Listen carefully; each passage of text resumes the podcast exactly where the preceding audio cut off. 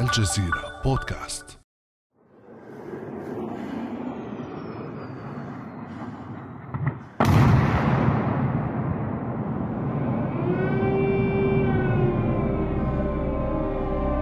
تدوي أصوات القصف وصافرات الإنذار في أوكرانيا فيتردد صداها على موائد طعام الكثير من شعوب العالم. ليس لسبب سوى لأن الجارين اللدودين روسيا وأوكرانيا يستحوذان على ثلث سلة غذاء العالم من القمح وعلى 80% من الزيوت النباتية ونسب كبيرة من مواد غذائية أخرى. لذلك فقد حذر المسؤولون الأمميون والخبراء الدوليون من أن الحرب الجارية في أوكرانيا يمكن أن تشكل أزمة غذاء عالمية فعلا. وبالنسبة لبرنامج الأغذية العالمي فإن خطر الجوع يوشك أن يتحول حقيقة ماثلة وعلى نطاق واسع بعد توقف الإنتاج في أوكرانيا مخزن أوروبا. فما حجم تضرر السوق العالمية للقمح من الحرب الروسية على أوكرانيا؟ وكيف تتعامل الدول التي تعتمد على القمح الروسي والأوكراني مع الوضع الحالي؟ وما هي بدائلها؟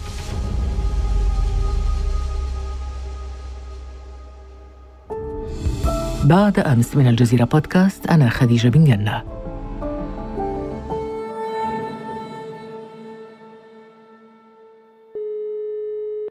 وينضم إلي في هذه الحلقة الأستاذ عبد الحافظ الصاوي الباحث والكاتب المتخصص في الشأن الاقتصادي. أهلا وسهلا بك أستاذ عبد الحافظ. أهلا بك يا أستاذة. أستاذ عبد الحافظ الصاوي ربما بعضنا يأكل عيش وخبز وكسكسي ومعجنات دون أن يسأل نفسه من أين يأتي القمح الذي تصنع به حتى جاءت حرب أوكرانيا واكتشفت شعوب كثيرة انه هذا القمح قادم من أوكرانيا وروسيا دعنا نفهم في البداية أهمية هاتين الدولتين أوكرانيا وروسيا في تزويد العالم بالقمح. هو بداية روسيا وأوكرانيا كدول منتجة للقمح أكثر مما تحتاجه من استهلاك أدى بها إلى تصدير الفائض لديها وهو فائض مؤثر في السوق العالمي بيصل إلى نسبة تتراوح ما بين 25 و 30% ولكن للأسف الشديد هذا الفائض التصديري يتم توجيهه إلى الدول العربية والإفريقية وبعض البلدان الإسلامية ومن خلال الاطلاع على بعض الأرقام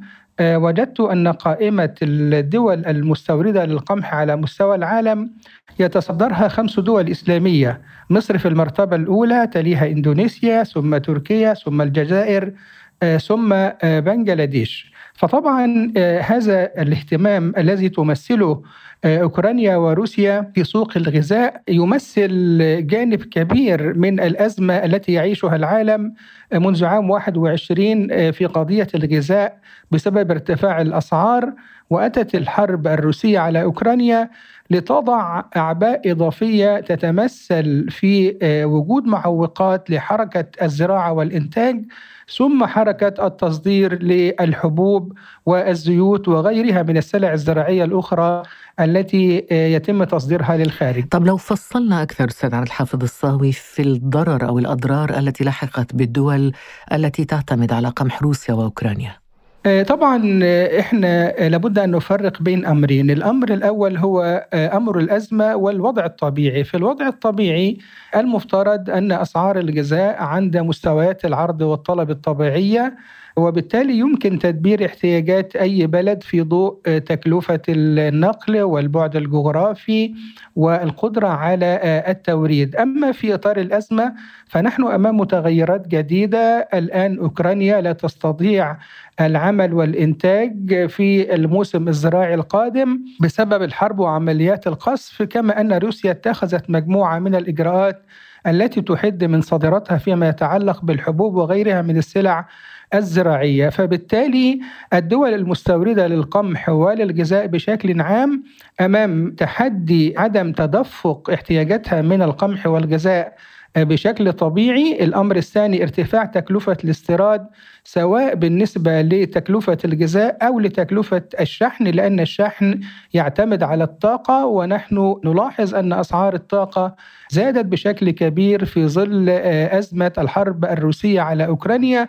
فأصبح الوضع بالنسبة للدول المستوردة تعاني من عدة أمور وإن كانت اللافتة الكبيرة فيها هي أزمة الغذاء لكن طبعا ارتفاع الأسعار القمح والنقل والتأمين والشحن فضلا عن إمكانية التدفق الذي يؤمن لها الأمن الغذائي. طيب أكثر هذه الدول تضررا أنت ذكرت بعض الدول في جوابك الأول لكن لو لخصنا يعني ركزنا أكثر على العالم العربي من هي الدول الأكثر تضررا؟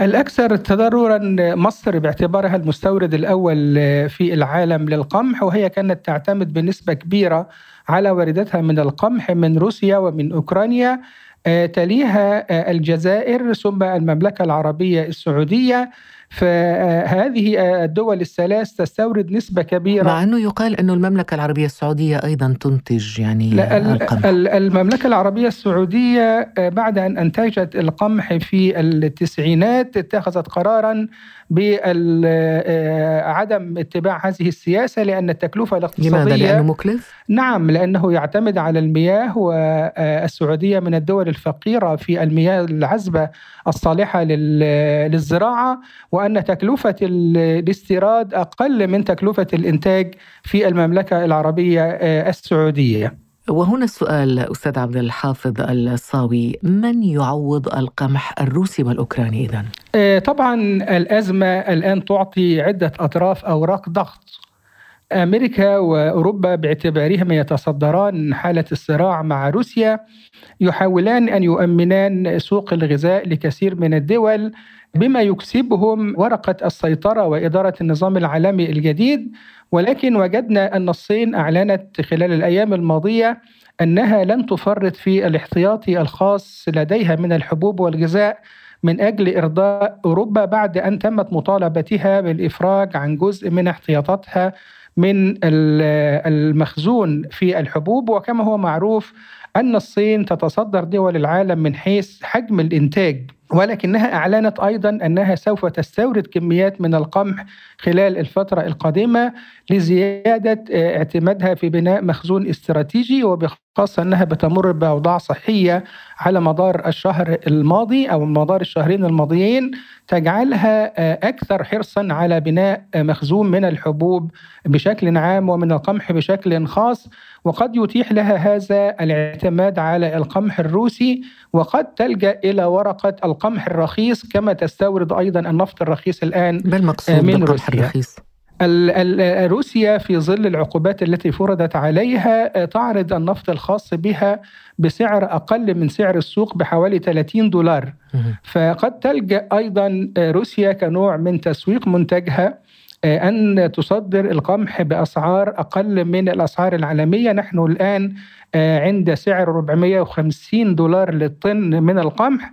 فقد يعرض بسعر أقل لصالح بعض الدول التي تتمتع بعلاقات طيبة مع الصين وعلى مع روسيا وعلى رأسها الصين. وغيرها من البلدان الأخرى طيب الصين لا يمكن أن تكون بديلا لأن الصين أصلا تستورد القمح الروسي ماذا عن البدائل الأخرى؟ هل يمكن أن تكون مثلا الولايات المتحدة، كندا، الهند؟ كل هذه البدائل ممكنة ولكن تكلفة النقل هنا ستكون كبيرة يعني حينما ننقل القمح من أمريكا إلى مصر أو إلى المملكة العربية السعودية أو إلى الجزائر أو إلى نيجيريا كدولة أيضا مستوردة للقمح بكميات كبيرة أو إلى تركيا. ونحن منذ أزمة كورونا نلاحظ ارتفاع تكاليف الشحن والنقل وفضلا عن تعطل في سلسلة الإمدادات في الموانئ وما إلى ذلك. فمن حيث الإنتاج ومن حيث الكميات يمكن إدارة هذا الأمر وهذا ما أعلنه مدير منظمة الفاو حينما قال أننا لم نصل بعد إلى أزمة الغذاء التي حدثت في عام 2008 لأن الاعتبارات المناخية كانت حاكمة في هذا الأمر. أما نحن الآن فأمام بعض الأمور اللوجستية التي يمكن السيطرة عليها وتمرير الأزمة دون التعرض لمخاطر كبيرة. لكن طبعا البلدان المنتجة يمكنها أن تعوض الحصص الخاصة بروسيا وأوكرانيا لكن هيكون على حساب المخزون الاستراتيجي في بعض الدول فضلا عن أنه يمكن أن تكون هناك حالة من التعاطي أو التعاطف مع الدول الأقل نمو وبخاصة أن منظمة الفاو قالت أنه إذا استمرت الأزمة الروسية في حربها على أوكرانيا سيكون لدينا عدد إضافي للجائعين في العالم بنحو 13 واحد من عشرة مليون إنسان. من 13 مليون إنسان يعني نود أن نستمزج رأيك في الإنسان العربي أيضا. كم يشكل من هذه النسبة؟ هل الدول العربية يعني واضح أنها يعني تعتمد كثيرا على القمح الروسي والأوكراني هل تبدو الدول العربية ضحية كباقي الدول المعتمدة على هذا القمح؟ هو يتحمل هذا الأمر في حديثنا عن الدول العربية حكومات هذه الدول فهي حكومات يمكن أن نصفها أنها ارتكبت جرائم في حق شعوبها آه، من حيث أنها آه، لم تتعلم الدرس عبر آه، أزمات متكررة والتي كان أخرها الأزمة الغذاء في 2008 وأزمة كورونا وأصبح العرب لا يجيدون إلا الحديث أمام الميكروفونات والمؤتمرات. كان آخر هذه الفعاليات التي يعني تثير الضحك هو المؤتمر أو الإعلان الخاص بالمنظمة العربية للتنمية الزراعية التي أعلنت آه، منشورها في أبريل 2022 آه، لتعلن عن استراتيجية التنمية الزراعية في المنطقة العربية في عام 2030 بالإعلان عن آه، زيادة الإنتاج الزراعي بنسبة 30% حتى عام 2030 من سينفذ هذا الكلام؟ ما تكلفته؟ ما مساهمة كل دولة طب لماذا لا ينفذ برأيك؟ ما هي الصعوبات؟ لماذا لا يمكن أن ينفذ؟ كما تعلمين نحن لا نمتلك إلا في المشروع العربي إلا الأسماء الرنانة التي صدرت في الستينات آه، مثل مؤسسات العامة للعربي المشترك في حين أن كل دولة تتصرف على حدة دون الالتفات إلى أي دولة أخرى يعني ما هي دلالة الاهتمام مثلا آه، بدول الخليج وجيبوتي أو آه، جزر القمر أو السودان أو موريتانيا لا شيء. كل دولة تتصرف في حدود إمكانياتها على الرغم من أن التكامل الزراعي العربي هو المخرج الوحيد لتحقيق أمن غذائي دائم للمنطقة العربية. وفي قمة الكويت 2009 وهي كانت القمة الاقتصادية العربية الأولى أعلن عن آه، ورقة من قبل أكاديميين عن تحقيق البرنامج الغذائي أو الأمن الغذائي العربي بتكلفة 36 مليار دولار ولكن للأسف الشديد لم يلتفت إليه أحد وأصبح مجرد ورقة أو إصدار ضمن الإصدارات التي تضمنتها أعمال هنا, هنا نسأل أستاذ عبد الحافظ يعني ما السبب؟ ما هي العراقيل؟ ما الذي يمنع تحقيق هذا التكامل الاقتصادي للاستغناء عن القمح الروسي والأوكراني وغيرهما؟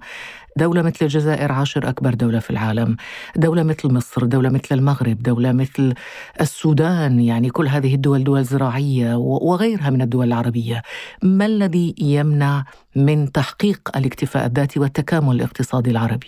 آه الذي يمنع من إقامة التكامل الاقتصادي في المجال الزراعي وفي غيره من المجالات هو غياب الإرادة السياسية والعامل الثاني هو الفساد لأن آه، ملف استيراد القمح في الدول العربية هو واحد من أكبر ملفات الفساد التي يتم فيها آه، استيراد آه، نوعيات رديئة بأسعار مرتفعة والحصول على عمولات فضلا عن عمليات الفساد التي تتم في النقل وفي التوزيع وفي الدعم وفي غيرها. حتى يعني من أغرب الأشياء أنني كنت في أحد الندوات وأحد الإخوة السودانيين قال يعني أنهم يستوردون الدقيق آه، والقمح لأن تكلفة استيراده أرخص من تكلفة إنتاجه وهو أمر مثير للضحك.